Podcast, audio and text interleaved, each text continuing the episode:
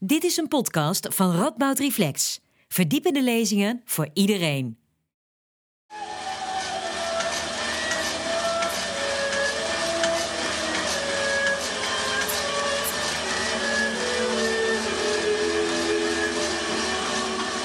Dit is dus Martha Nussbaum. Een van de meest intrigerende filosofen van dit moment. Lees alleen haar boek The Fragility of Goodness.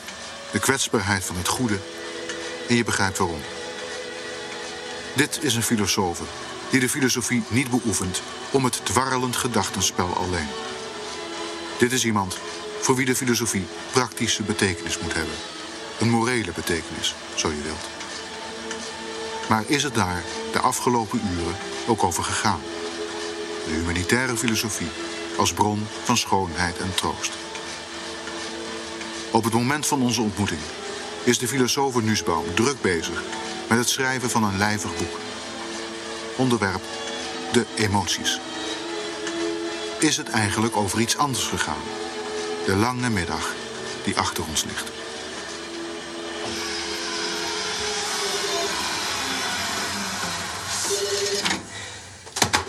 Telefoon.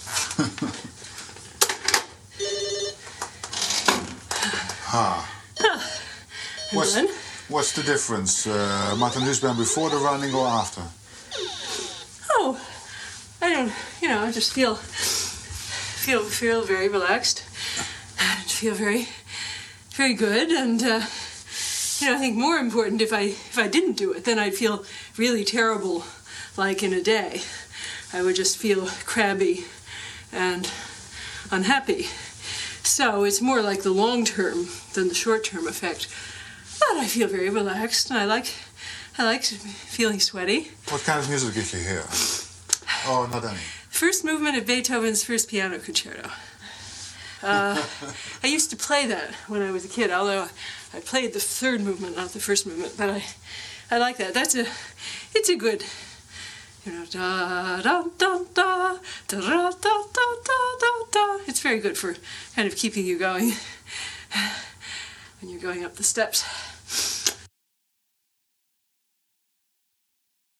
De Isse, Martha Noesbaum.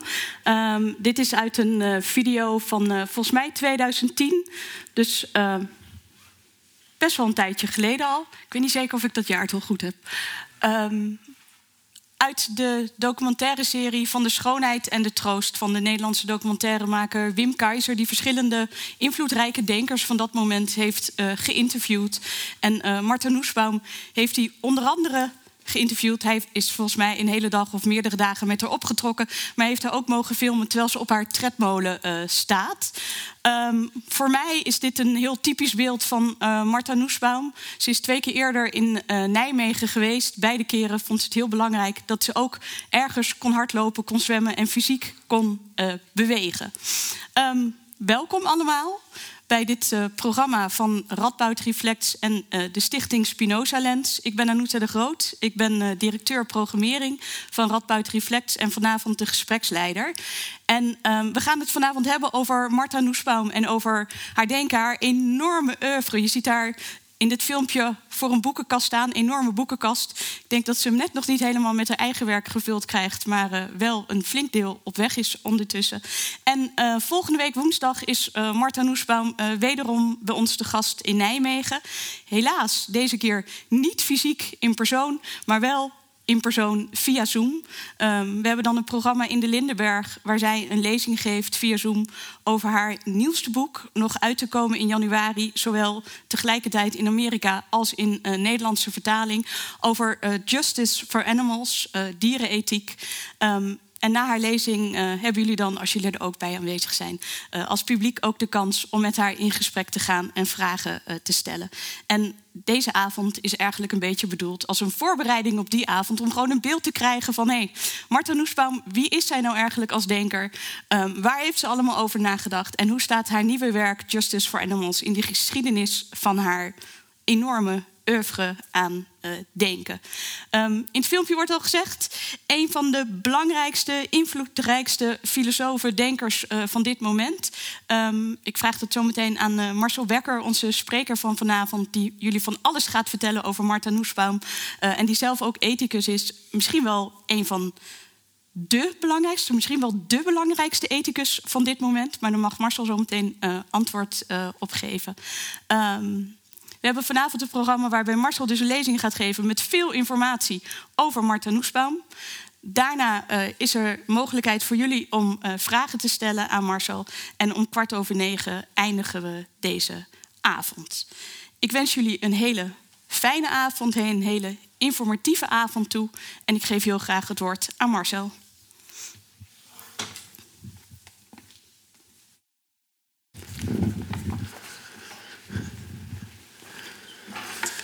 Dankjewel, Anuta, voor de, voor de inleiding. Ja, dat is wat. Pardon, dan ga je naar een avond over een grote filosoof... en dan moet je eerst een paar minuten naar een vrouw op een, uh, die als een hamster in een tredmolen rondloopt... moet je, moet je kijken. Ja, Rabout Reflex weet wat ze haar publiek voorschotelt. Uh, ja, inderdaad. We gaan vanavond over Martin Noesbaum praten. Aan mij is de afgelopen weken wel gevraagd... ja, had je nou niet liever met Maarten Noesbaum zelf pardon, in gesprek willen gaan? Maar toen moest ik denken aan een document over een organisatiecultuur waarin staat dat het veel makkelijker is om over mensen te praten dan om tegen mensen te praten.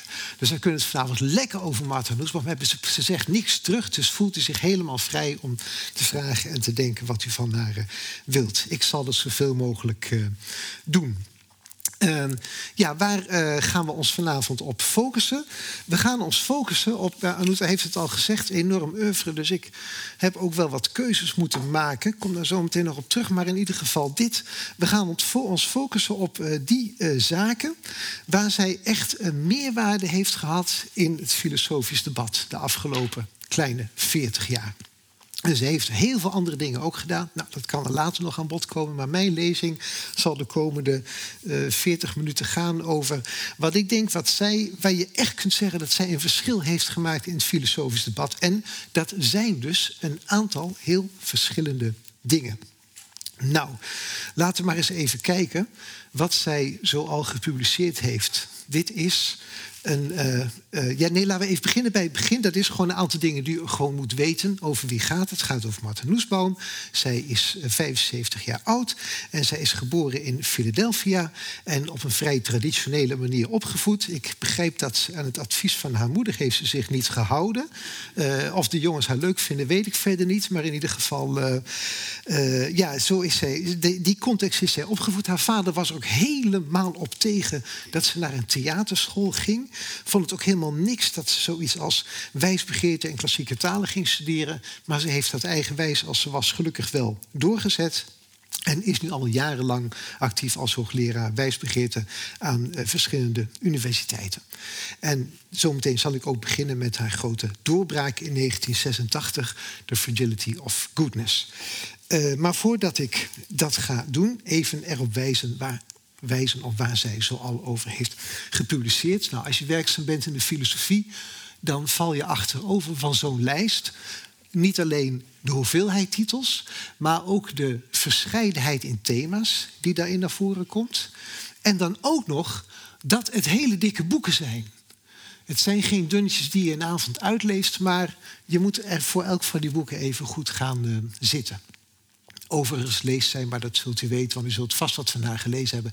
Leest, schrijft zij heel toegankelijk, het leest wel prettig uh, weg. Ja, als u hier al van achterover slaat, dan vindt u dit nog erger. Want dit is ook nog wat ze heeft gepubliceerd de afgelopen jaren. En daarnaast heeft ze ook nog uh, wetenschappelijk artikelen geschreven. Maarten Noesbaum is publieksfilosoof. Ja, want zij is voor een groot publiek bekend. Maar Maarten Noesbaum is ook academisch filosoof. Die publiceert en dat type tijdschriften dat door normale mensen nooit gelezen wordt. hoe gaat dat? Gemiddelde academische publicatie wordt door 5,6 mensen gelezen of zo. Nou, in dat soort tijdschriften publiceert Maarten Noesbaum ook heel gesofisticeerd over een aantal wijsgerige thema's. De afgelopen jaren wel wat minder dan, uh, dan een tijdje terug, maar toch. Dus over een dame van formaat hebben wij het vanavond. En wanneer is die dame van formaat binnengekomen? In 1986 met het boek Fragility of Goodness. En uh, dat, het boek, daarin bleek al meteen een indrukwekkend iets wat, haar, wat ze altijd is blijven doen. Natuurlijk zie je allemaal verschuivingen door de tijd heen. Maar in Fragility maakten wij kennis met Martha Nussbaum waarin ze op haar best was. In die zin dat zij uh, als filosoof in gesprek gaat met anderen, grote filosofen. En in dat gesprek met andere filosofen haar eigen gedachtegang ontwikkelt. Uh, als je als filosoof vraagt, wat doe je nou eigenlijk? Dan krijg je soms een heel moeilijk antwoord. En filosofen zijn het ook helemaal niet met elkaar over eens wat nou goede filosofie is. In die zin, wat is nou het belang van de traditie van de filosofie? En wat zijn dan die grote filosofen van de traditie? En hoe verhoud je je precies tot die traditie? En wat kan die traditie betekenen voor de hedendaagse tijd? Nou, Martin Nussbaum vind ik, maar dat is even mijn mening, een voorbeeldig iemand van hoe je zowel de traditie heel goed kunt kennen, en dat heeft ook te maken met haar achtergrond van de klassieke talen, dat ze buitengewoon goed die werken kent waar ze over spreekt. Tegelijkertijd in gesprek met die werken die ze zo goed kent, thema's eruit trekt die voor ons heden ten dagen ook relevant zijn. Dat is heel knap en dat doet ze al, uh, al jarenlang. Echt in gesprek met die traditie.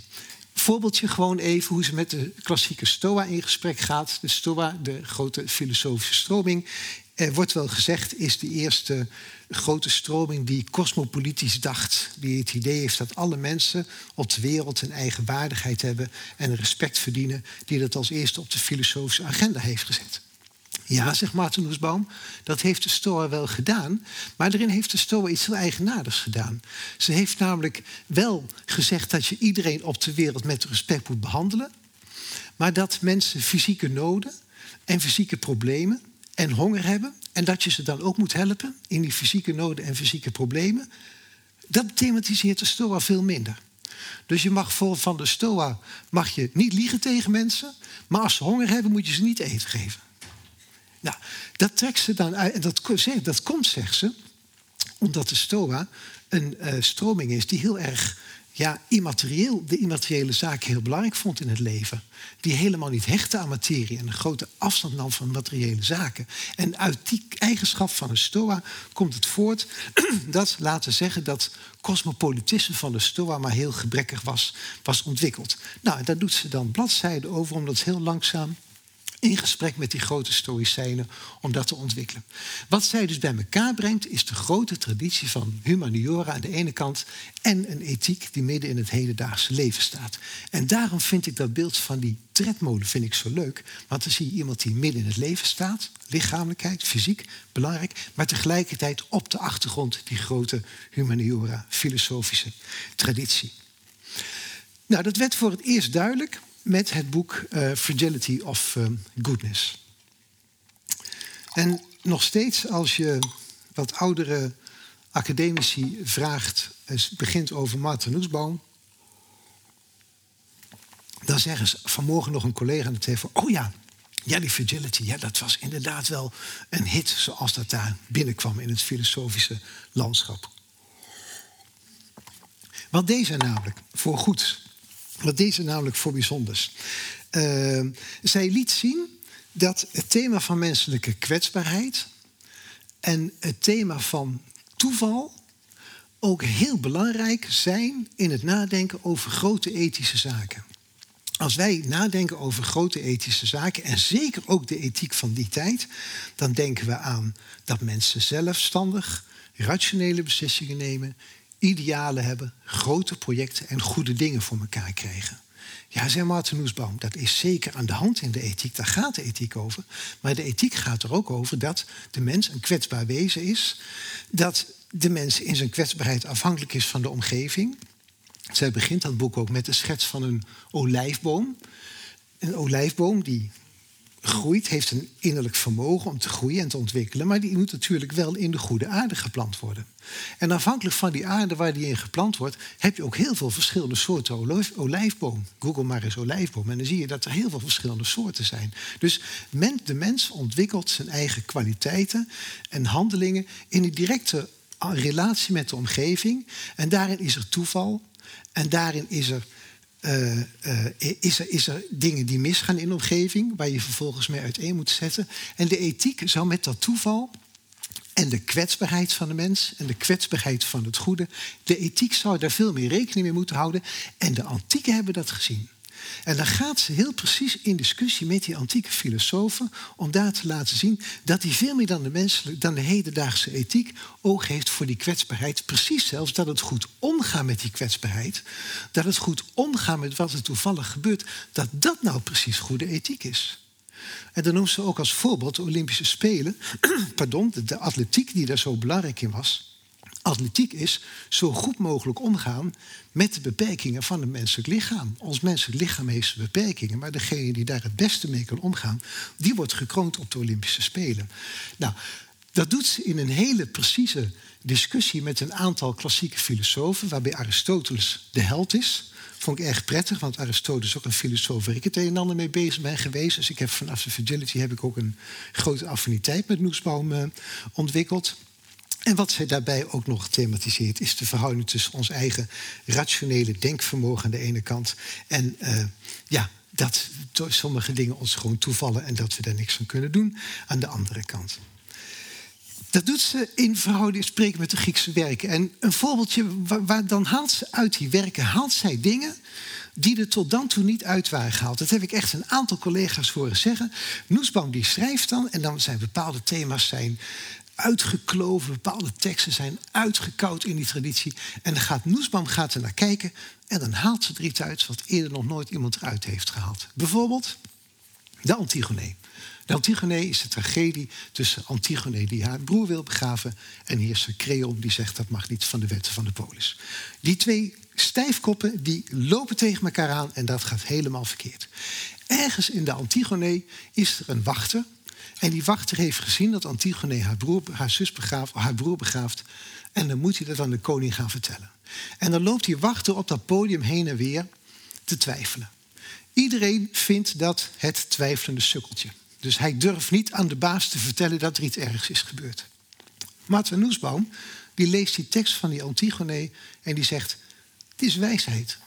Die man loopt dat op het podium te twijfelen en die maakt een inschatting. Wanneer moet ik het nou vertellen? Hoe moet ik het vertellen? Hoe zal het bij hem aankomen? Kan misschien beter een dagje wachten. En die reconstrueert dan die tekst, ook aan de hand van Griekse termen die daar centraal in komen, dat die wachter eigenlijk hele intelligente dingen zegt, terwijl hij gewoon op het podium heen en weer loopt te twijfelen. Dus het zulletje blijkt opeens een hoop wijsheid in zich te hebben. Nou, dat soort eye-openers biedt ze dan in haar lectuur van die klassieke teksten. Aristoteles, ik ben zelf al bewezen geweest, de handelingstheorie van Aristoteles. Wat is goed menselijk handelen? Aristoteles weet Noesboom heel mooi aan te tonen, onderscheidt het handelen heel goed van maken. Het maken waarin we dingen via een bepaald plan, een bepaald project voor elkaar kunnen krijgen. Het handelen waarin we steeds naar bevind van zaken, hoe de situatie in onze omgeving is, uh, van stap naar stap verder moeten komen. Nou, allerlei Griekse begrippen, centrale begrippen die erin voorkomen, weet ze heel mooi aan te tonen dat Aristoteles zich erin heel goed onderscheidt van Plato, die het, die, die het menselijk handelen veel meer in termen van het maken uh, begreep. Uh, het boek Fidelity of Goodness heeft in de Nederlandse rechtsfilosofie de afgelopen tien jaar een interessant vervolg gekregen toen professor Iris van Domselaar, ze is nu professor, niet toen ze dat proefschrift schreef, het boek Fragility of Rightness schreef. En het gaat over hoe rechters beslissen. En wat er gebeurt als rechters beslissen. Rechters beslissen volgens juridische normen. Juridische normen zijn niet altijd even ethisch. Daar willen wel eens dingen, situaties zijn waarin de ethiek kritiek heeft op het recht. Die is er gekomen en een aantal ethici hebben zo het recht in een nieuw licht willen plaatsen. Uh, zo is er dus een discussie, die wordt met name door de Amerikaanse rechtsfilosoof Ronald Dworkin wordt, wordt gevoerd, onder inspiratie van Dworkin wordt gevoerd, dat het recht meer moet ethiseren. De mensen die dat vinden dat het recht meer moet ethiseren, hebben een heel duidelijk idee over wat ethiek is en hoe die ethiek het recht kan corrigeren. Die discussie speelt in de rechtsfilosofie. Wat doet Iris van Domslaar? Iris van Domslaar laat zien dat een aantal van die overtuigingen van mensen die zeggen het ethiek wijst die kant op, dat die helemaal niet zo sterk zijn. Dat ook als je het recht ethisch bekijkt, het recht nog steeds heel fragiel, kwetsbaar en bleekbaar, breekbaar blijkt. Maar dat allemaal ethische dilemma's die er spelen in de samenleving, dat die direct ook in de rechtszaal doorklinken. Dus het verethiseren van het recht maakt het recht niet duidelijker en helderder, maar het verethiseren van het recht maakt het recht nog meer de afspiegeling van de kwetsbaarheid en de breekbaarheid en de twijfel die het menselijk leven eigen is. En rechters mogen zich dat wel wat meer realiseren wel meer aantrekken. Dus het is een heel mooi voorbeeld hoe vanuit de Noesbaumiaanse inspiratie weer kwetsbaarheid en breekbaarheid en twijfel ook de rechtspraak binnen wordt, uh, binnen wordt gebracht. Prachtig boek van Iris van Domselaar, echt geïnspireerd door, uh, door Martin Noesbaum.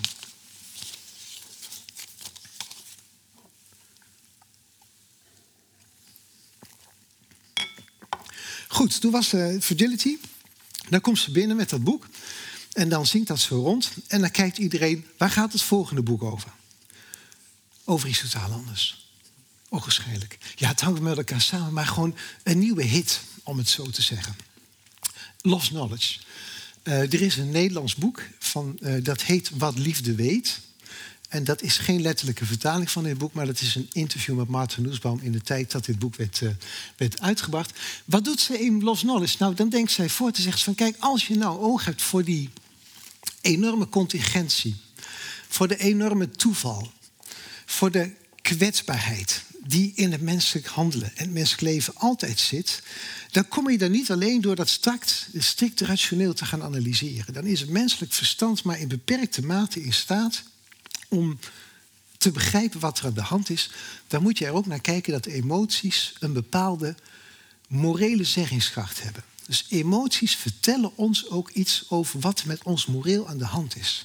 Dus de ethiek als rationele wetenschap tegenover het emotionele leven, nee, dat is geen goede scheiding.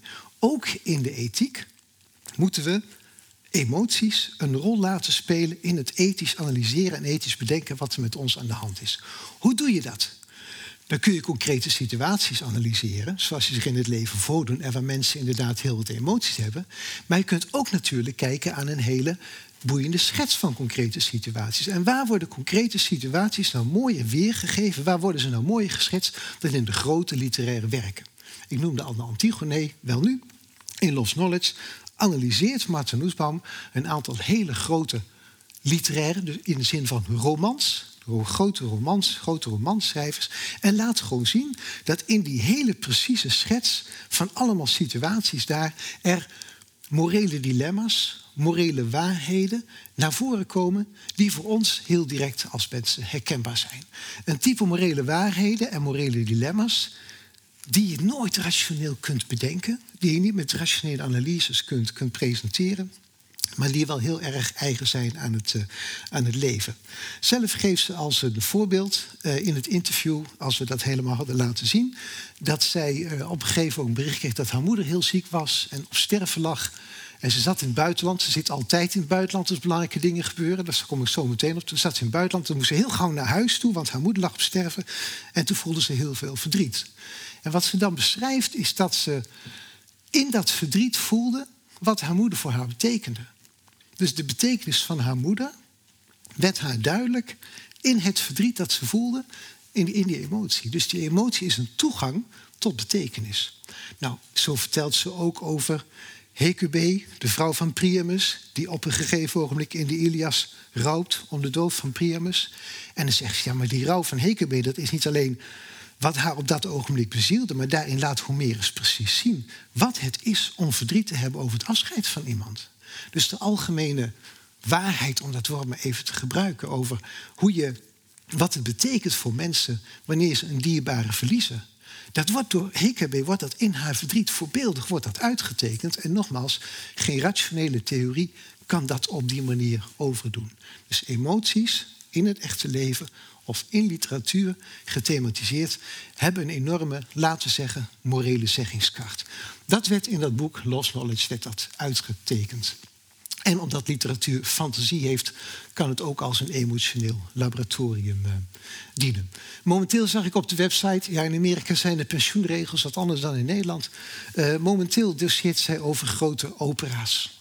En ik dacht ook eerst dat ik operamuziek op de achtergrond hoorde, maar dat blijkt Beethoven te zijn, uh, te zijn geweest.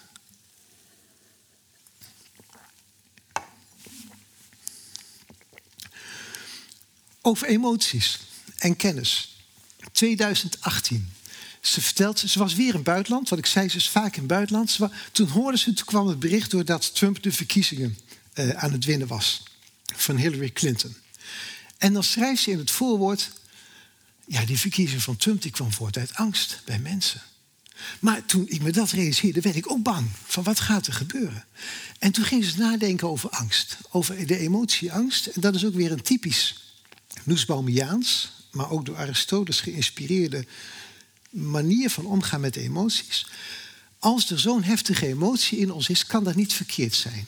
De natuur heeft ons niet zo gemaakt dat wij allemaal dingen ervaren die niet kloppen. Dus we moeten die emotie, angst, die moeten we serieus nemen. Bij ons, maar ook bij onze politieke tegenstanders. Het is een natuurlijke emotie.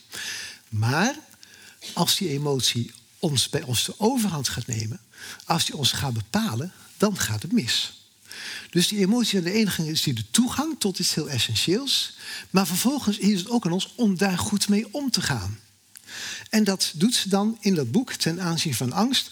Dat ze zegt, ja, angst is op zich een heel natuurlijke emotie. Het is ook de meest basale emotie.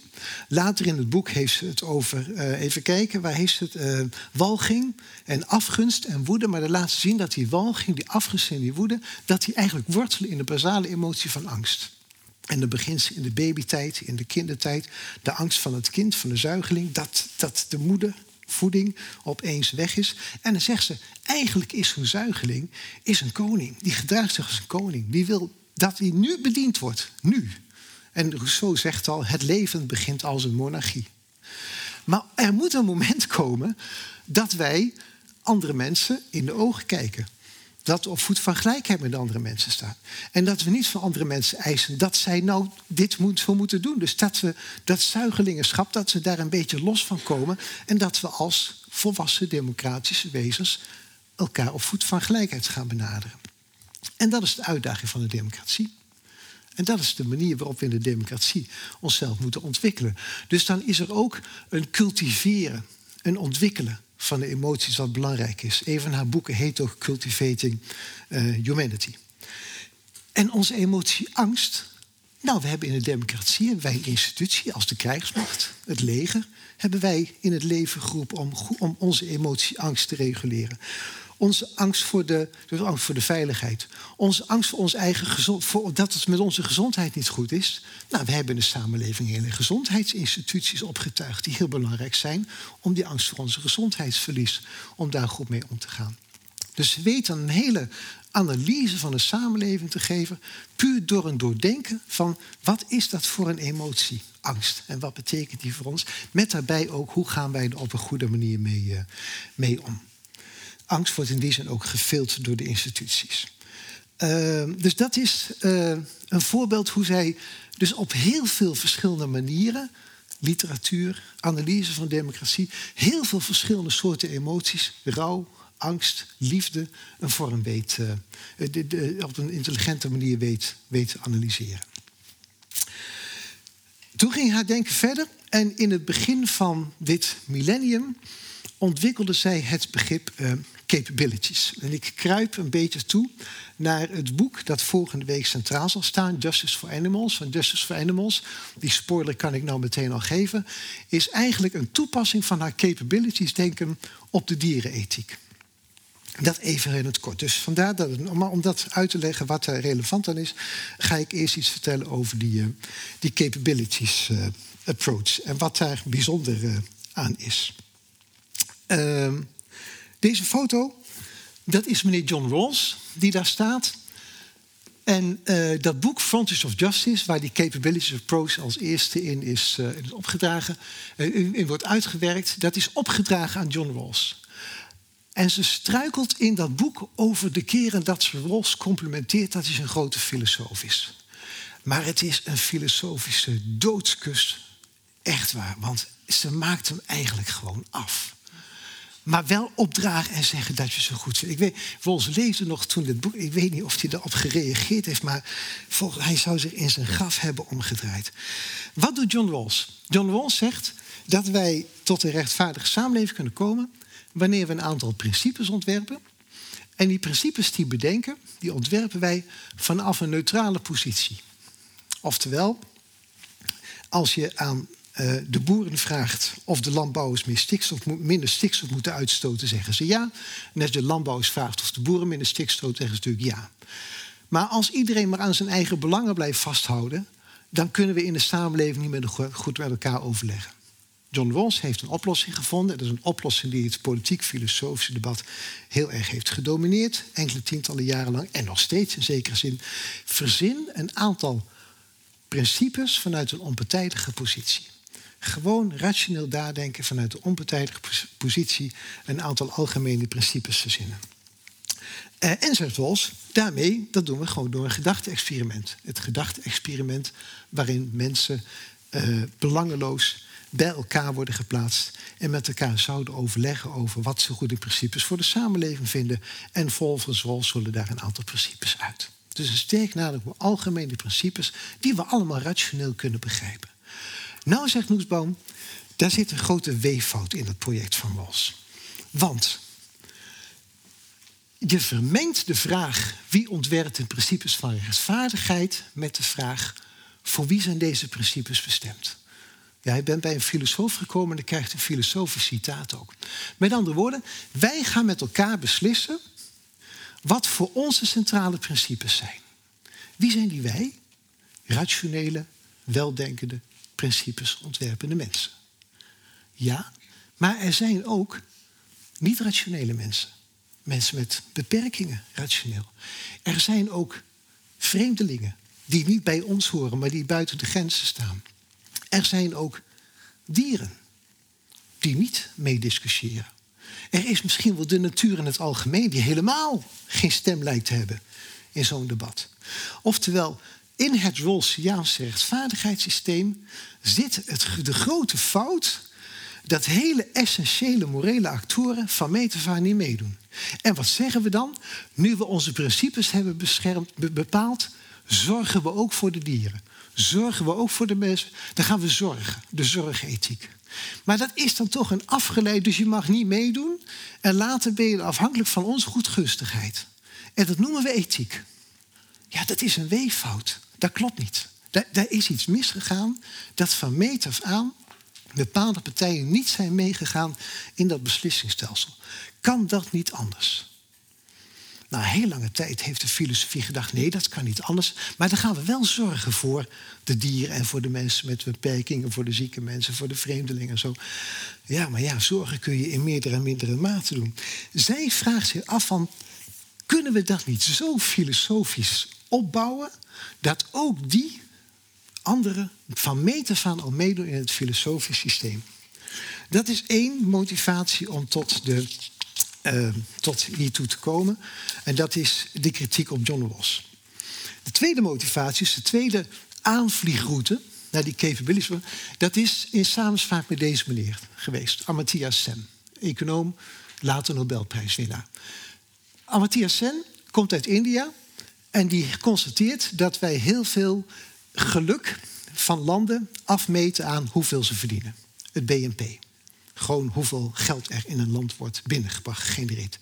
Ja, zegt Sen, maar dat is heel raar. Want je kunt heel veel verdienen als land. Het kan binnen het land heel ongelijk verdeeld zijn. En dan ben je zogenaamd rijk, maar dan heb je een heel groot probleem nog.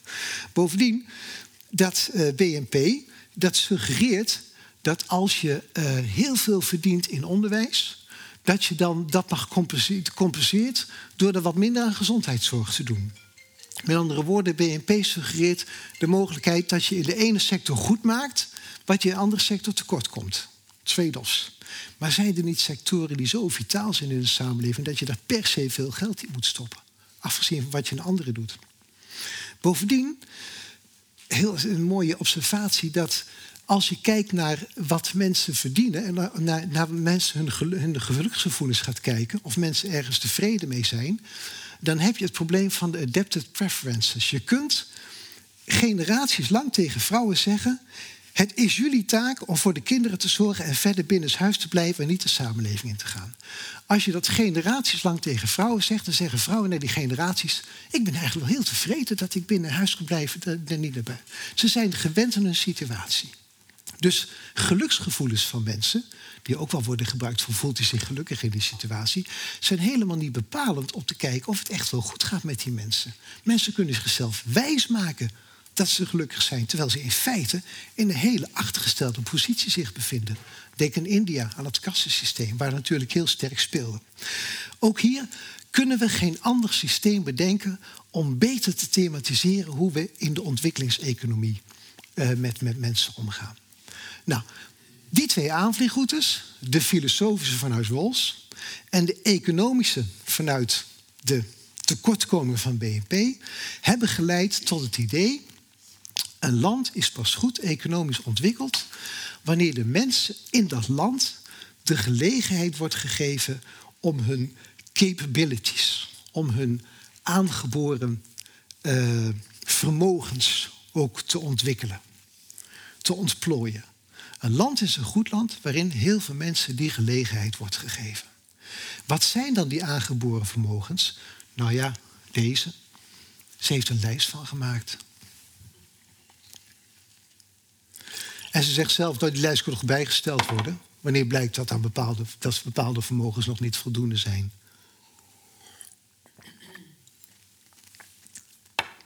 Wat je hier ziet, voor de filosofische fijnproevers onder ons, is dat dus een principe-ethiek van algemene principes, dat die wordt ingeruild voor een Aristotelische ethiek. Want in de Aristotelische ethiek staat centraal dat mensen hun eigen vermogens moeten ontwikkelen.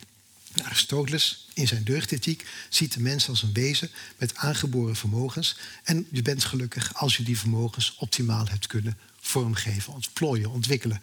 Nou, precies die Aristotelis-ethische inzet wordt door Nussbaum en Sen in het hart van de ontwikkelingseconomie geplaatst. En tot, tot op de dag van vandaag is de Verenigde Naties op die manier met de ontwikkelingsprogramma's precies zo aan het vormgeven. En ze geeft ook mooie voorbeelden van vrouwen in bepaalde posities die door bepaalde omstandigheden geen onderwijs kunnen volgen. Ja, dan moet je dus die, die omstandigheden wegnemen.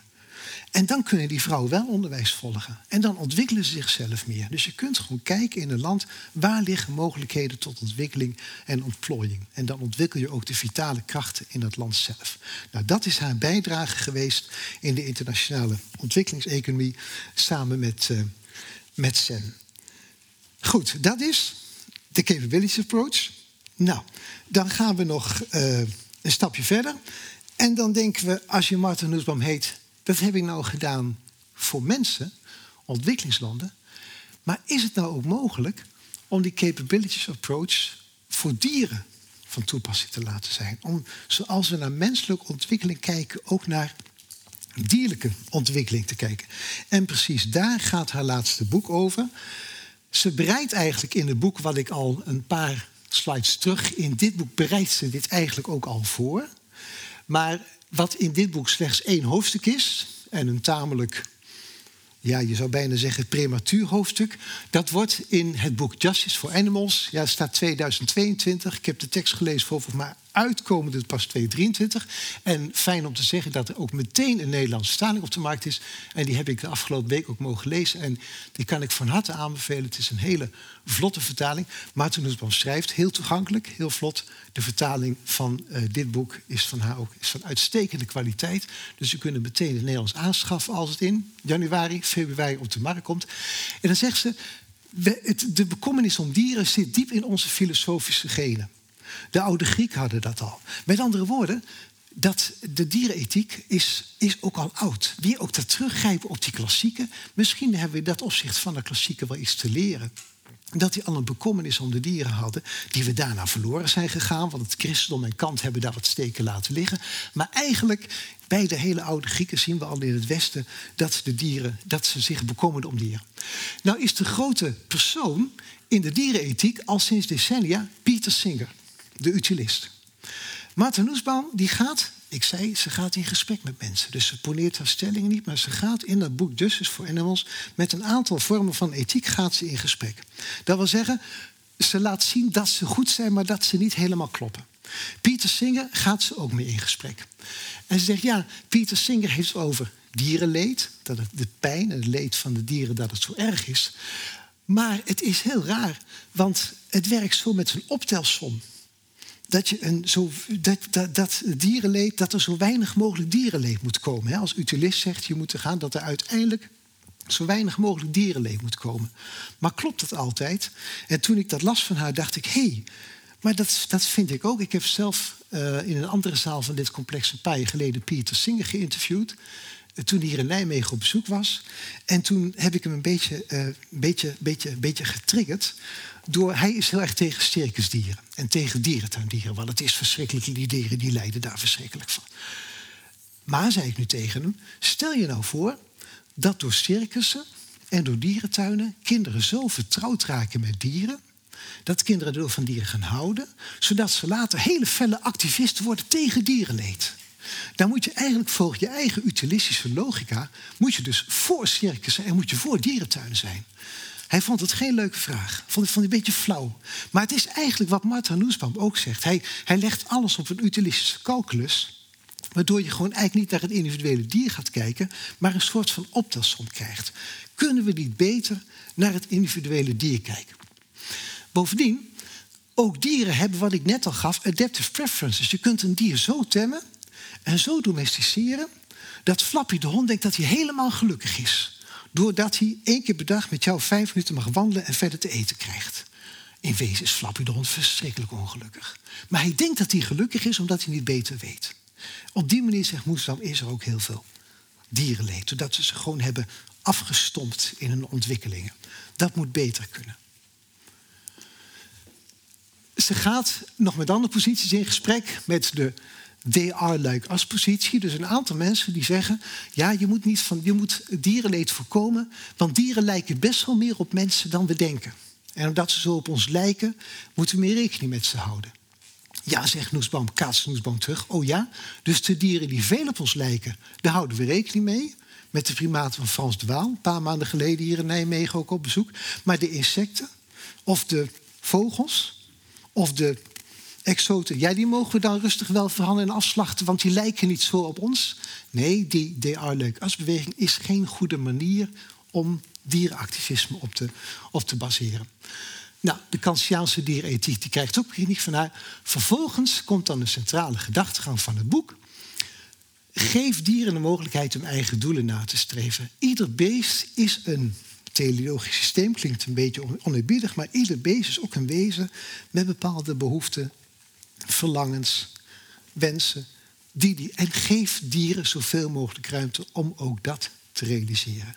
En dat is een theoretisch uitgangspunt, wat natuurlijk heel moeilijk in de praktijk te bedenken hoe we dat meteen voor ons zien. Maar het gaat maar even in eerste instantie om de achterliggende theoretische gedachte dat je hiermee een aantal problemen die in die andere benaderingen zitten, omzeilt.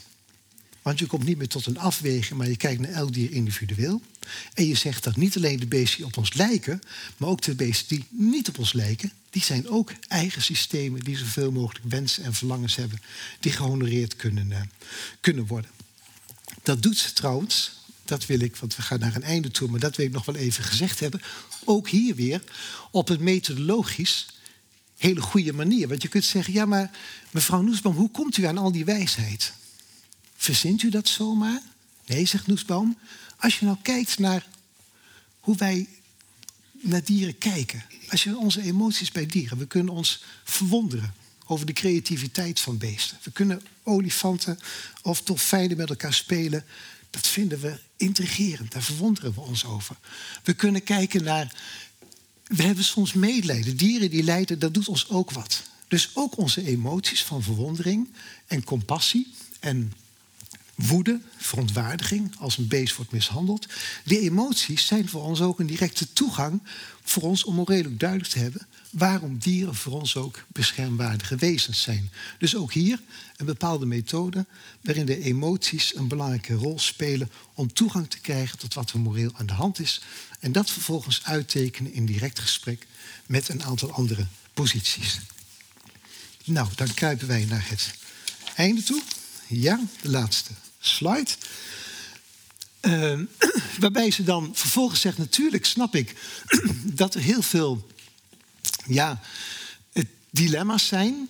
als je dieren als eigen wezens met ontplooiing en ontwikkeling. Ja, dan, wat moet je dan. Uh, ja, waar moet je bij beginnen en, en hoe moet je dat precies tegenover elkaar afwegen? Nou, dan geeft ze gewoon, maar dan moet u dat boek lekker gaan lezen. Dan kunt u dat allemaal veel beter nalezen dan ik dat in één minuut kan vertellen. Dus schaf dat boek gewoon aan en lees dat nou. En zegt ze dan, uh, als wij de nodige verbeeldingskracht hebben, dan kunnen we echt wel een aantal dilemma's die er zijn na verloop van tijd voorkomen. Wat we in ieder geval niet moeten doen, en dan krijgen nog de de hedendaagse romantici krijgen nog een veeg uit van... wat wij niet moeten doen, is dat we zeggen... de natuur met rust laten. Want de natuur zoals wij die, zoals die er nu is, met rust laten, betekent dat we heel veel ellende die er nu al is, alleen maar erger maken. Dus we, kunnen, we moeten op een of andere manier hebben we de verantwoordelijkheid om na te denken hoe gaan we met de natuur om. En een aantal beslissingen die wij daarin moeten nemen. En we kunnen niet, niet meer ingrijpen. Want in de natuur komt sowieso al veel wreedheid voor. En we hebben in de natuur duurzaam een aantal dingen zo verschrikkelijk al kapot gemaakt. Die hebben we duurzaam kapot gemaakt. Dat we nou moeten nadenken over hoe we die, eh, hoe we die herstellen. Dus op die manier, of willen of niet, wij moeten op enige wijze activistisch eh, zijn. Bedankt voor uw aandacht.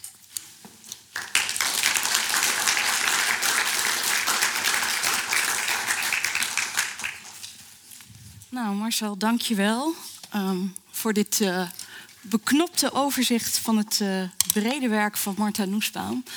Um, ik ga jullie zo meteen als zaal heel veel ruimte geven om vragen te stellen. Dus, uh, maar ik ga eerst zelf een vraag stellen, zodat jullie nog de tijd hebben om even na te denken over jullie vraag. Maar dan kunnen jullie alvast voorbereiden. Um, ik heb stiekem best wel veel vragen, maar dat komt misschien ook. Ik ben niet super bekend met het uh, werk van Noesbaum. En jouw overzicht roept dan bij mij toch uh, nou ja, over verschillende onderwerpen veel vragen op. We hebben het eigenlijk gehad uh, um, over de rol van emoties in het werk van Noesbaum. Ja. Ja. Ook over de rol van de capabilities approach. Ja. Je liet in het begin die enorme lijst met boeken zien, al die artikelen erbij. Zijn, is in al dat werk de rol van emoties en de capabilities approach zijn dat de hoofdthema's in alle boeken. En gaat ze dan vanuit die theorie elke keer naar een ander onderwerp, naar feminisme, naar dierenethiek, uh, naar het belang van onderwijs, waar ze ook over heeft geschreven, het belang van uh, literatuur, uh, tegenwoordig dus blijkbaar de opera's. Um... Nee. Nee, het is, nee dan, zoals, je, zoals je het formuleert, ze heeft een bepaald basisformat van mensen zijn wezens die zich moeten ontplooien, capabilities, om dat optimaal te doen. En ik zie op verschillende thema's hoe dat uitpakt. nee, zo eenvoudig is het niet. Het is echt, het is echt ingewikkeld. En dat, dus mijn fascinatie voor haar en mijn waardering voor haar is de afgelopen half jaar in de voorbereiding hiervoor echt toegenomen. Kijk, Martin Noesbaum, als je de gewoon de gemiddelde collega je vraagt, Martin Noesbaum, dan zegt hij: Oh, dat was die hit van Fragility. Maar ja, daar is ook wel een hoop geschreven. Hè? Inderdaad, er zitten wel mindere boekjes tussen. en een aantal mensen hadden het op een gegeven moment wel een beetje gezien met Martin Noesbaum. Dus er wordt wat wisselend gepraat over Martin Noesbaum. Maar ik moet zeggen, de afgelopen maanden in de voorbereiding hiervoor heb ik haar toch wel echt, ben ik haar enorm gaan waarderen. Onder andere omdat er niet één format of één patroon, laten we zeggen één trucje daarin voorbij. Iedere keer weer op het betreffende thema, met de klassieke in gesprek en er een eigen puntje uittrekken. Soms lukt dat beter, soms lukt dat niet. Dus dacht ik ook, is er dan echt geen rode draad in dat werk? Of is het dat ze iedere keer weer opnieuw begint te denken? En toen dacht ik op een gegeven moment, ja, volgens mij is er toch wel iets centraals in al die werken. Maar dat is een beetje abstract, maar toch, het woord liberal. Liberal betekent in de Amerikaanse context progressief, emancipatoire, vooruitstrevend, de wereld willen verbeteren. Dat zit in al die boeken. De vrouwen, de dieren, het onderwijs, eh, de iedereen. Dus heel veel partijen die worden opgetild door haar. Die moeten meer aan bod komen. Er zit een enorm emancipatoire, progressieve agenda zit erin, zoals bij de Amerikaanse liberals. Maar liberal betekent ook, in de zin van liberal arts, humaniora, geesteswetenschappen. En dat heeft zij ook. Zij wil dat optillen, dat emancipatoire, dat activistische, dat wil ze voortdurend onderbouwen door in gesprek te zijn met grote klassieke filosofen of grote klassieke werken. En dat is denk ik wat in al haar werken wel op een of andere manier bij elkaar komt. Het is emancipatoire, maar het is tegelijkertijd ook hartstikke filosofisch. Dus als je niet van emancipatie of niet van filosofie houdt, moet je niet Maarten Nussbaum gaan lezen. Als je geïnteresseerd bent van hé, hey, emancipatoire zijn, maar niet in de zin van puur activisme. Ja, ook niet in de zin van puur politiek, maar in de zin van wat is aan de hand in de samenleving. Ja, dan is zij een hele goede auteur. En daar vind ik haar ook onderscheidend ten opzichte van bijvoorbeeld Michael Sandel. Geen lelijk woord over Michael Sandel, alle waardering voor Michael Sandel. Maar die doet wat minder met de grote filosofen. Daarin vind ik haar ook uh, zeker ook gelijkwaardig aan Charles Taylor die ook een hele goede lectuur van klassieke posities heeft. Maar Taylor is heel vaak historisch en weinig actualiserend. Nou, ze heeft de historische scherpte van Charles Taylor en ze heeft actualiserend vermogen van Michael Sandel. Nou, dat bij elkaar is Maarten Noesbaum. Het lijkt een beetje op een reclamepraatje, maar toch, toch is dat wel wat ik een aantal keren de afgelopen... Soms lukt het ook. Weet je, slap boek. Ja, gebeurt ook. Maar is dat een antwoord op je vraag? Dat is wel een beetje een antwoord op mijn vraag inderdaad. Nee, maar ik denk ook dat uh, inderdaad dat, uh, dat ze en een publieksfilosoof is... maar wel een publieksfilosoof die een hele gedegen filosofische basis heeft. Dat is inderdaad natuurlijk gewoon knap voor een publieksfilosoof. Dat je dat ook uh, inderdaad kan combineren. En ook toch begrijpbaar kunt zijn voor je brede publiek. Want het is een super transparant proza. Ja, als, als hij schrijft, denk je van... God, is dat nou zo moeilijk om te bedenken? Dat is heel frustrerend. Als je academisch filosoof bent en je moet publiceren... en je schrijft iemand iets zo, dat je denkt van... ja, God, had ik ook kunnen bedenken. Nee, dat is juist, je had het niet zelf kunnen bedenken... maar het wordt wel opgeschreven alsof je het zelf had kunnen bedenken. Dat is de lol van, dat is het leuke van Maarten Noesbaum lezen. Um, dankjewel Marcel voor deze spoedcursus uh, denken en werk van uh, Marta Noesbaum. Uh, jullie allemaal bedankt voor jullie komst. Ik hoop veel van jullie ook volgende week te zien als we met Noesbaum zelf in gesprek gaan en haar zelf gaan horen over haar nieuwste boek over dierenethiek. Um, ik wens jullie nog een hele fijne avond en bedankt voor jullie komst.